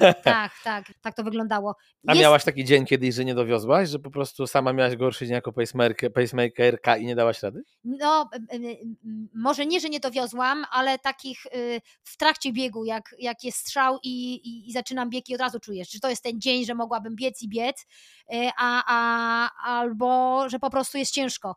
Y, raczej nie, że nie dowiozłam, tylko na przykład na 800 metrów szybciej zeszłam. O, czyli na przykład, nie wiem, po 450 metrach zamiast do kolejne tam te 50 czy 100 metrów jeszcze dalej, czując po prostu, że jest tempo mówiąc kolokwialnie, zabójcze e, i nie chcę na przykład spowolnić I dziewczyn. wtedy organizatorzy mają do Ciebie pretensje, czy właśnie nie mają za to, że zeszłaś, bo nie, nie chcesz ich spowolnić? Jak nie, na to nie, nie mają, absolutnie, nie, bo ja jakby już wiem, jak się zachować. E, lepiej zejść ciut wcześniej, ale zachowując właściwe tempo i nie przeszkadzając dziewczynom, e, niż przeciągnąć na siłę, ach, muszę do tego 550 czy 600 metra, mimo wszystko, mimo że, że jest wolniej, bo, bo im jest mi jest ciężko i, i cała stawka za mną też od razu automatycznie ma wolniejsze tempo. Więc... To wszystko brzmi jak umiejętność takiego posiąścia, tak chyba się mówi, czy posiadania, nie wiem, ciężki język polski, ale umiejętności schowania ego do kieszeni, bo ty nie możesz za bardzo myśleć o sobie, tylko o innych. Faktycznie tak jest, że dobry pacemaker ja musi, musi umieć tak. to ego schować. Tak, nie, nie, to jakby jest. Ja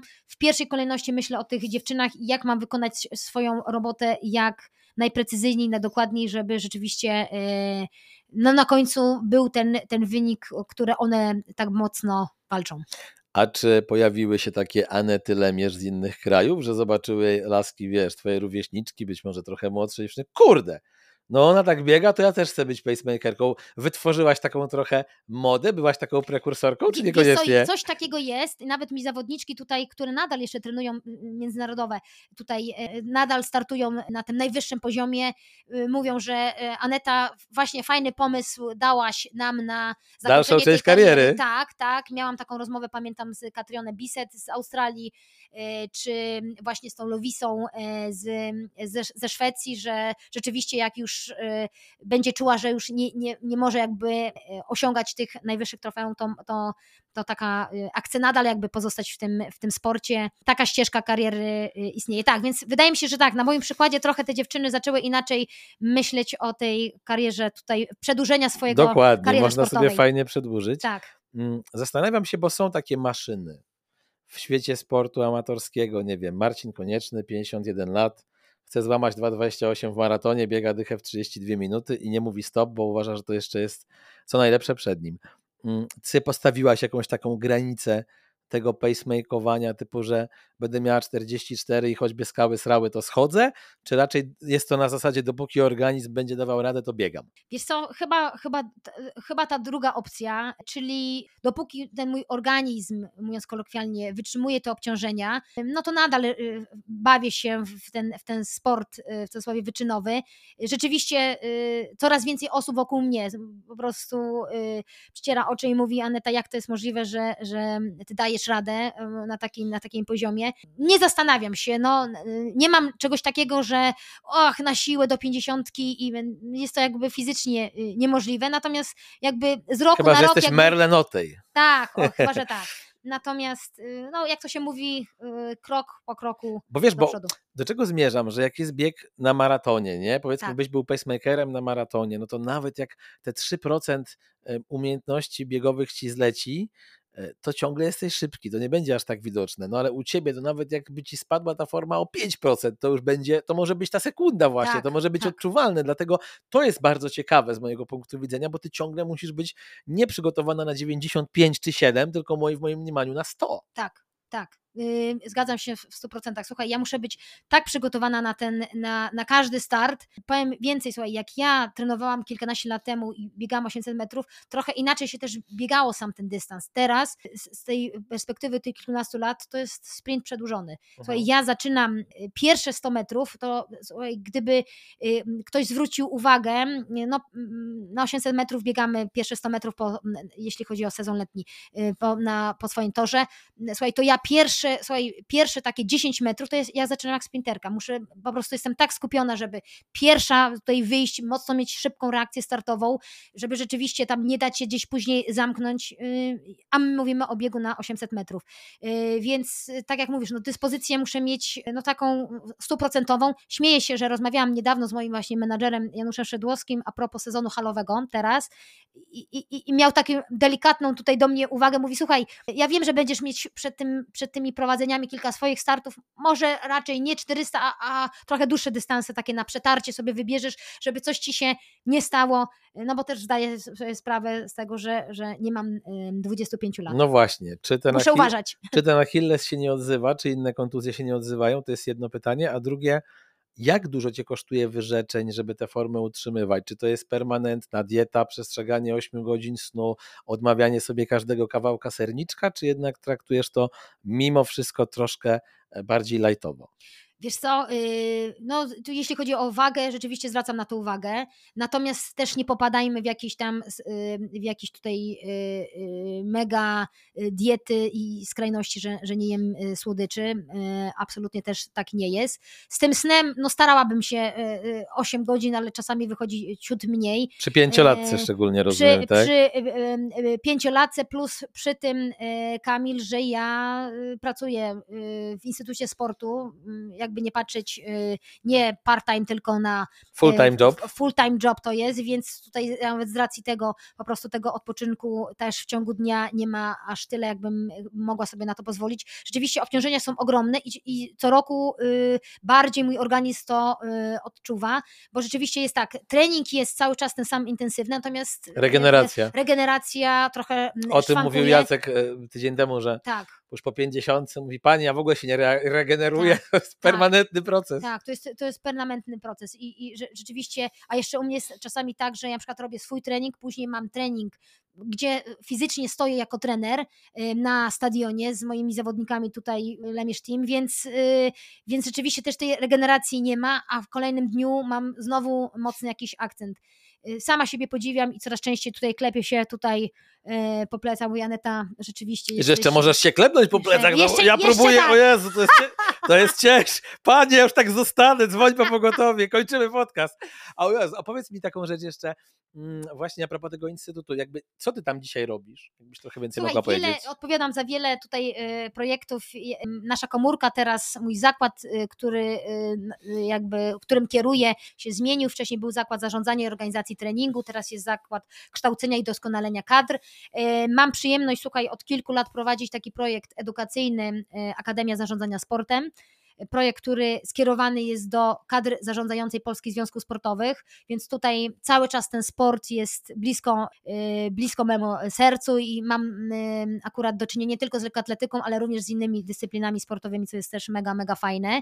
Em, No i szkolimy, szkolimy tutaj tą kadrę zarządzającą w różnych obszarach y, ich działalności, ale również y, y, mam przyjemność współprowadzić projekt Akademii Tenerskiej, czyli tutaj też projekt taki edukacyjny y, w ramach działań Instytutu Sportu, skierowany do trenerów kadr narodowych, ale nie tylko, wielu dyscyplin sportowych i, i tutaj też dzięki temu, no mówię to, co początek naszej rozmowy, gdybym wiedziała to, co teraz wiem kiedyś, to rzeczywiście tą swoją karierę sportową jako młoda zawodniczka inaczej bym trochę sama pokierowała, e, czy była bardziej może świadoma pewnych, pewnych działań. No i co jeszcze?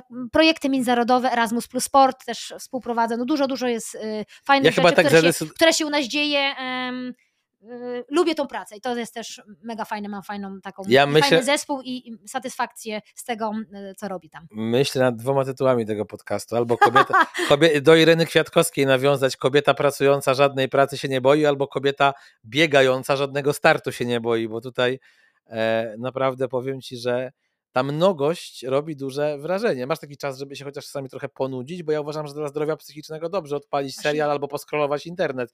Tak wiesz, nie patrząc na zegarek, że muszę za 6 minut być na treningu albo coś. No, znajduję ten, ten, ten czas, nie, nie jest go jakoś tak mega, mega dużo, ale, ale wiesz, w domu też, jak, jak przechodzę, raczej nie ma też aż takiego odpoczynku, bo tutaj jak wykorzystuję każdą wolną chwilę, żeby, żeby być z, z córką Wiktorią, więc, więc tutaj... No z córką, więc... ale też patrzę twój partner Łukasz Sobora dzisiaj się przygotowuje, widzę World Indoor and European Champion 2023 mm. long jump, triple jump, tak, to u tak. was no jesteśmy... sportowej nie ma. Tak, słuchaj. słuchaj, córka jakby choćby chciała czas... Nie uniknie tej lekkoatletyki. To znaczy, słuchaj, jest z nami na, na, jest z nami na, obecna na treningach, y, no i widzi, co mama robi, widzi, co tata robi, więc pewnie jakby w naturalny sposób pewne tutaj działania jakby, czy tam śmieje się, że nawet jak bawi się ze swoimi lalusiami, to, to, to tam pojawia się słowo idziesz na trening, jak przejdę z treningu, więc, więc już nawet do takich sytuacji dochodzi. Słuchaj, nie, nie zmuszamy, na razie ona jakby uczestniczy i, i, i skacze, bawi się, y, y, biega i, i w naturalny sposób jakby jest z nami obecna i, i chłonie ten sport, co będzie robić, zobaczymy w przyszłości. Natomiast tak, no jesteśmy taką mega zafiksowaną sportową rodziną z naszej perspektywy jest to fajne, ok, jakby powiem szczerze, że pewnie też taki ogromny tutaj, ta wartość dodana mm, tej, tej mojej przedłużonej kariery sportowej, czy tego y, bycia w tym środowisku y, sportowym, y, pacemakerskim, przez to, że mam mega wspierającą właśnie rodzinę, Łukasz, który rzeczywiście rozumie to, co, to, co robię na co dzień i rzeczywiście wspiera moi rodzice, no, no całe to otoczenie jest takie mega wspierające, dzięki temu mogę być i realizować się nadal y, w tym, w tym sporcie trochę pod tym kątem takim wyczynowym. A jak ważne dla Ciebie jest bycie właśnie trenerem, y, szkolenie tych ludzi i jak Twoim zdaniem się zmieniło na przestrzeni, nie wiem, 10-15 lat bieganie? No bo z jednej strony ja mam wrażenie, że ten boom biegowy jest za nami, nawet patrząc na liczbę e, ludzi, którzy startują w różnych dużych polskich biegach, liczbę tych biegów, których niby jest trochę więcej, ale mam wrażenie, że to się tak trochę rozpierzchło na całą Polskę. Wydaje mi się, że już tylu ludzi nie biega, że ten pierwsze zachłyśnięcie się podobnie jak przy triatlonie minęło. Z drugiej strony jednak e, ci, którzy zostali, ci, którzy biegają, osiągają czasami kosmiczne wyniki, jak wspomniany Mkon, czy, czy też właśnie age grouperzy na takich mistrzostwach świata Masters na bieżni. Ta bieżnia zdaje się być coraz popularniejsza. Te biegi na mile, które chociażby Tomek Smokowski organizował, tak. też widać, że gdzieś tam tą bieżnię dla jakiejś części ludzi e, odkryły. Jak to dzisiaj z twojej perspektywy? Osoby, która jakby no poświęciła temu życie, nie? Więc pewnie wiesz, znaczy na pewno znasz się na tym ode mnie lepiej. Jak ty to dzisiaj widzisz? No ja widzę, że, że bardzo duża grupa amatorów ma ogromną świadomość tego, y, jak należy, czy, czy co to znaczy mądrze y, trenować. Y, część z nich właśnie ma swoich tutaj trenerów i, dzięki temu też tą świadomość jakby większą jakby pogłębia, część korzysta z materiałów ogólnodostępnych y, w internecie. uważam, że jest dużo lepiej niż było to kilka czy kilkanaście lat temu. Ja, jeśli chodzi o, z mojej perspektywy, no ja z niektórymi zawodnikami to już współpracuję, nie powiem kilkanaście, ale kilka ładnych lat. Widzę też jak u nich ten, ten, ten taki postęp, jak zaczynali, w jakim byli punkcie, a, a teraz jak biegają technicznie nawet, jakby styl biegania jak im się poprawił, jak się wzmocnili, są bardziej świadomymi e, biegaczami, jeśli chodzi o właśnie o dietę, czy o to, co trzeba robić, jakby ten trening ogólnorozwojowy, żeby, żeby to bieganie szło, kontynuowali swoją tą przygodę z, z bieganiem przez jeszcze kolejne y, lata, żeby właśnie taka kontuzja nie pokrzyżowała im planów, więc świadomość jest y, ogólnie duża. Ja mega się cieszę, że jest tyle różnych form takiej aktywności fizycznej dostępnych na rynku, że, że rzeczywiście y, różni ludzie mogą coś dla siebie znaleźć i wszystko, co, co dobre jest dla zdrowia, dlaczego nie? Pytanie, gdzie jest ta granica, bo znam takich amatorów zdrowia w treningu, nie? No bo jak Mhm. przygotowujesz się do startu na poziomie 2,28 mając 50 lat, to czy to jest zdrowe? Pewnie niekoniecznie. No wiesz, różnie to, różnie to można gdzieś tam oceniać, ale tak, to jest fajne. Ty widzisz się właśnie jako taka zawodniczka, która w, i w kategoriach potem M50, 60, 70 Co- będzie latać? Czy chciałabyś tak w ogóle? Czy, czy myślisz, że przyjdzie taki moment, że jak Forrest Gump się zatrzymasz i stwierdzisz, dobra, nabiegałam się starszy? Nie wiesz co, bardziej jakby w głowie mam tak, że przyjdzie ten moment, że, że już z tym pejsowaniem będę musiała No to sobie- wiadomo, nie? To jest wiadome, natomiast raczej y, mnie się to na, nadal y, bardzo jakby podoba i jestem nakręcona na, te zawody masterskie właśnie na, na bieżni, że ja jestem tą osobą, która właśnie za 10 czy 15 czy 20 lat będzie jeździć na te, na te zawody y, i bawi się, bo to już jest, im człowiek wydaje mi się starszy, tam już jest coraz większa taki rodzaj takiej zabawy, ta, ta rywalizacja jest, ale już nie na takim, jak to się mówi, levelu wysokim, więc, yy, więc jak najbardziej tak, no póki się ma frajdę i, i kocha się to, co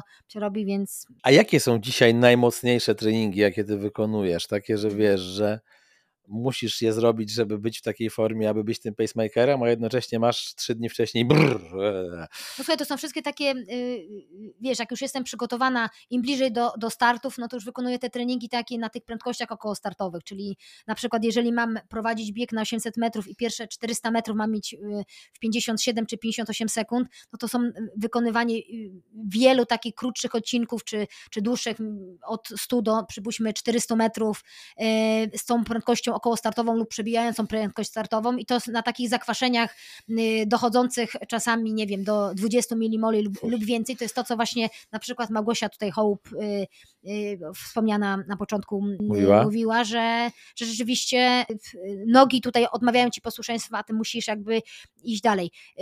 Wiadomo, trochę inna specyfika treningu 400 metrów, a 800, natomiast mówię, no ogólnie rzecz biorąc zbliżam się do tych prędkości koło startowych i wtedy mm, rzeczywiście to najbardziej odczuwam to zmęczenie. Wiesz, kiedyś to następnego dnia bym mogła już kolejny jakiś tam akcent w cudzysłowie robić, y, czyli mocniejszy trening, e, a teraz trzeba takie e, dwa dni na przykład odpoczynku, coś lżejszego, bo rzeczywiście organizm odczuwa to bardzo, szczególnie na przykład w tym okresie teraz, gdzie startujemy, y, przygotowujemy się na hali, W Warszawie nie ma hali, Warszawie- trzeba jeździć no do, jest spał, hala, do jest- spały. jest, słuchaj, jest y, hala AWF-u. jedna, tak, natomiast też z mojej perspektywy, z mojego doświadczenia, trening raz w tygodniu wystarczy na takiej hali, bo rzeczywiście tutaj y, ostrość tych wiraży jest y, Hardkorowa. hardkorowa i rzeczywiście następnego dnia staw skokowy w lewej, w lewej nodze odczuwam Pokazuje, bardzo ci, pokazuje tylko. ci faka, mówi nie, nie, nie, nie, nie idźmy tą drogą. Tak, tak, więc, więc tak. No i, i tak jak mówisz, no posiłkuję się tutaj spała, jest w miarę blisko, więc jeżdżę też na treningi y, do spały, żeby mm, pewne te takie kluczowe z gwiazdką, jak to się mówi, treningi wykonywać. Mhm. A dużo czasu poświęcasz, wiesz, na potem rozciąganie się, rolowanie, te wszystkie okołoboczne rzeczy, których z reguły biegacze amatorzy nienawidzą i bardzo często w związku z tym olewają, zazwyczaj do pierwszej kontuzji, poważniejszej, ale ty to musisz na to cały czas dużo, dużo poświęcać. I wracam jeszcze do tego poprzedniego pytania sprzed paru minut, nie masz takiej kontuzji, która wraca, nie masz jakiegoś takiego problemu, e, powiedziałbym, chronicznego, że wszystko jest ok, na razie na szczęście odpukać ze zdrowiem? Y, Wiesz co, zwracam uwagę na to rozciąganie y, bardzo i to nawet, wiesz, to nie tak, że 20 czy 30 minut y, codziennie, nawet takie 10 minut, jak nie od razu po treningu konkretnym, to na przykład przyjadę do domu i, i rzeczywiście tutaj matę rozłożę i się rozciągam. No jest to mega dla mnie ważne, bo ja następnego dnia po prostu mogę jak to się mówi kolokwialnie, normalnie funkcjonować, tak, to odczuwam y, skutki na przykład biegania na takiej y, warszawskiej y, hali. To jest y, mega, mega ważne. Y, Słuchaj, kolokwialnie kolokwialnie y, im jestem starsza, tym bardziej chyba jestem świadoma tego, jak y, muszę ostrożniej y, podchodzić do pewnych y, treningów. Nie wykonuję na przykład takiej typowej szybkości na treningach, czyli tutaj takich tych prędkości submaksymalnych 95%, nie wiem, jakiś krótki odcinek, już tego po prostu y, nie robię, bo wiem, że y, kilka lat y, wstecz y, właśnie w ten sposób tam, nie wiem, w sezonie już startowym, czy na hali, czy w, sezonie letnim naderwałam, nie wiem, mięsień dwugłowy, czy, czy naderwałam mięsień czworogłowy też na jakimś innym treningu, więc tutaj jakby zwracam na to uwagę już ostrzem tych prędkości, mówię, dobrze, ważne, żebym była w jednym kawałku, a, a to ciut wolniejsza niż, niż cały czas na siłę jeszcze dążyć do tych, do tych jakichś takich mega szybkich prędkości. Stąd większa moja radość, jak startuję w zeszłym roku, jak startowałam na przykład na 400 metrów na hali i tam, nie wiem, 54-80 yy, pobiegłam, nie przygotowując się de facto do takiego, do, do tych krótszych dystansów, tylko to jakby z treningu do 800, 800 metrów, więc, więc tak to teraz y, u mnie wygląda. Ale rozciągajcie się, rozciągajcie się, bo to jest mega, mega ważne. Mówię, no 10 minut chociaż. Chociaż, moi drodzy, no słyszycie, że dużo ciekawych historii i bieganie juniorskie, i studiowanie w Ameryce, i bycie biegaczem ulicznym, i pacemakerem. E, Aneta Lemierz fajnie się rozmawia, zbliżamy się do końca i zastanawiam się, bo jak ja myślę o polskich biegach średnich, to pierwsze nazwiska, jakie mi przychodzą do głowy, to jest Lidia Chojecka, to jest Sofia Enaui, to jest Joanna Jóźwik.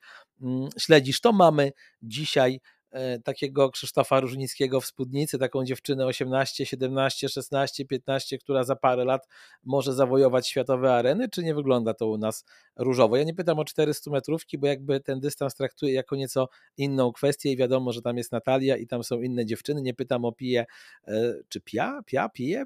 Pija. Pija. Pija Skrzyszkowska, bo to też jest inny dystans. Mówię o tych dystansach bliższych twojemu sercu. No słuchaj, ja mam tutaj taką y, dziewczynę, Angelika Sarna. Uważam, że o, ja śledziłem na Instagramie, bardzo ładna dziewczyna swoją. No, bardzo ładna, ale też trzymam mega za nią y, kciuki. Yy, zmieniła y, trenera, Aha. trenuje teraz od tego roku z, ze szwajcarskim tutaj trenerem Luisem Hejerem, więc mocno trzymam za nią kciuki. Rzeczywiście ogromny talent i potencjał i, i, i rzeczywiście liczę na to, że jak to się mówi kolokwialnie, wystrzeli. I piękne nazwisko yy, też takiego lekkiego biegania tak, jak Sarenka, więc, prawda? Więc tutaj, tak, więc jej bardzo kibicuję. Kto jeszcze? No dziewczyn to mamy, ja najbardziej to, to mówię, no trzymam kciuki za zdrowie dla tych wszystkich dziewczyn.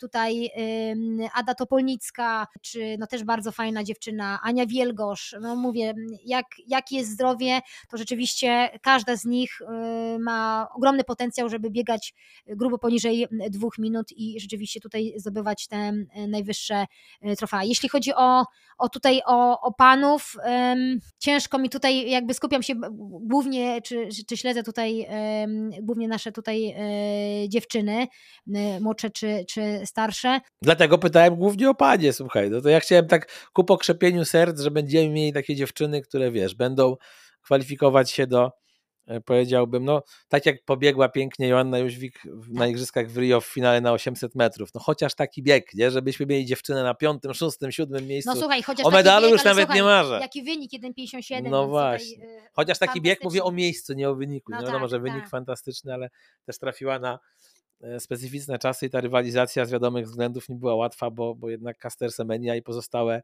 rywalki no, były poza zasięgiem wtedy. Dobrze, dziękuję bardzo. Aneta Lemierz, mimo że na koniec roku e, tak sympatyczna rozmówczyni mi się trafiła i dziękuję Ci za to, że się zgodziłaś pojawić. Kamil, cała przyjemność po mojej tutaj stronie bardzo dziękuję za zaproszenie i do zobaczenia gdzieś na tak. biegowych tutaj. Znaczy ja to będę ciebie uliczkach. oglądał z przodu najwyżej, jak tam mi uciekasz.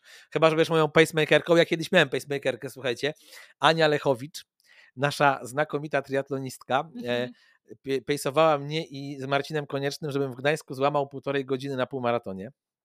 No i słuchaj. Złamałeś? Sorry, biegałem na, biegłem na godzinę, ja wtedy nie, nie, biegłem na godzinę 31 i zrobiłem godzinę 31. Wiedziałem, że ta minuta to jest w tym momencie e, mhm. na mnie za dużo, ale potem już rok później złamałem. Natomiast to było śmieszne, bo wiesz, oni mnie odsłaniali od wiatru. Tak. No oboje niewysocy, Mkon 1,70 m w kapeluszu, 50 kg wagi. Ania to w ogóle twoja budowa ciała, więc tam no, wątła postać, e, listopad wieje, wiesz, ja tam biegnę, biegnę, już umieram i Ania nagle, bo ona ma taki niemiecki, wiesz, ona mieszka w Niemczech, jest panią mhm. weterynarz i ma takie niemieckie myślenie, ja już czuję, że umieram, że nie żyję, a ona tak przede mną biegnie i mówi, jak już nie masz siły, to biegnij za dupą, patrz na tyłek. I to mnie tak strasznie rozumie wtedy po prostu, bo to biegła z nami, wiesz, jeszcze kontekst, muszę powiedzieć, cała taka grupa, która jakby za wpłatę 100 zł na cel charytatywny mogła biec z nami i próbować te 1,31 mhm. złamać, więc wtedy wszyscy, wiesz, tacy zmęczeni, 18 kilometr nieżywi, jak usłyszeliśmy to biegnij za dupą, to się po prostu wszyscy tam popłakaliśmy e, ze śmiechu i to nam trochę pomogło rozładować atmosferę. Także bycie dobrym pacemakerem to jest, słuchaj, też taki timing, trzeba na tych dystansach nie takich, no ty tam nie pogadasz z tymi swoimi zawodniczkami za bardzo, ale na takim powiem ci półmaratonie, to takie słowa mogą człowieka Słuchaj, zagrzać, ja naprawdę. Nie, wiem o co chodzi, bo słuchaj, ja kilka lat temu pamiętam, y, biegnij Warszawą na 10 km Aha. prowadziłam jakiegoś swojego podopiecznego Okej. i też przez to, że mam dosyć taki ym, doniosły tutaj głos i pamiętam, że go tak y, od y, piątego kilometra dopingowałam, bo też miał kilka kryzysów na, na tym dystansie. Y, Jakaś, nawet nie zauważyłam, że jakaś grupka y, podłączyła się y, tutaj do nas i rzeczywiście po, po tym starcie dziękowali mi, że właśnie dzięki tej, tej takim, y, takiemu dopingowi i mobilizacji jakby do mojego zawodnika, oni też y, nie poddali się w trakcie i zrobili jakieś tam rekordy życiowe, ale tak, to było, to było fajne, fajne przeżycie. Tak, tak, to jest ciekawe przeżycie i taki pacemaker to jest na wagę złota. Jeszcze raz dziękuję, Aneta Lemierz. Moi drodzy, słuchajcie poprzednich odcinków Rangapy. Tak jak mówiłem, e, Bartek Przedwojewski, Marcin Rosłoń, Jacek Nowakowski i paru innych, Marcin Lewandowski, wybitnych ludzi, także działo się i będzie się działo w styczniu. Do usłyszenia w 2024.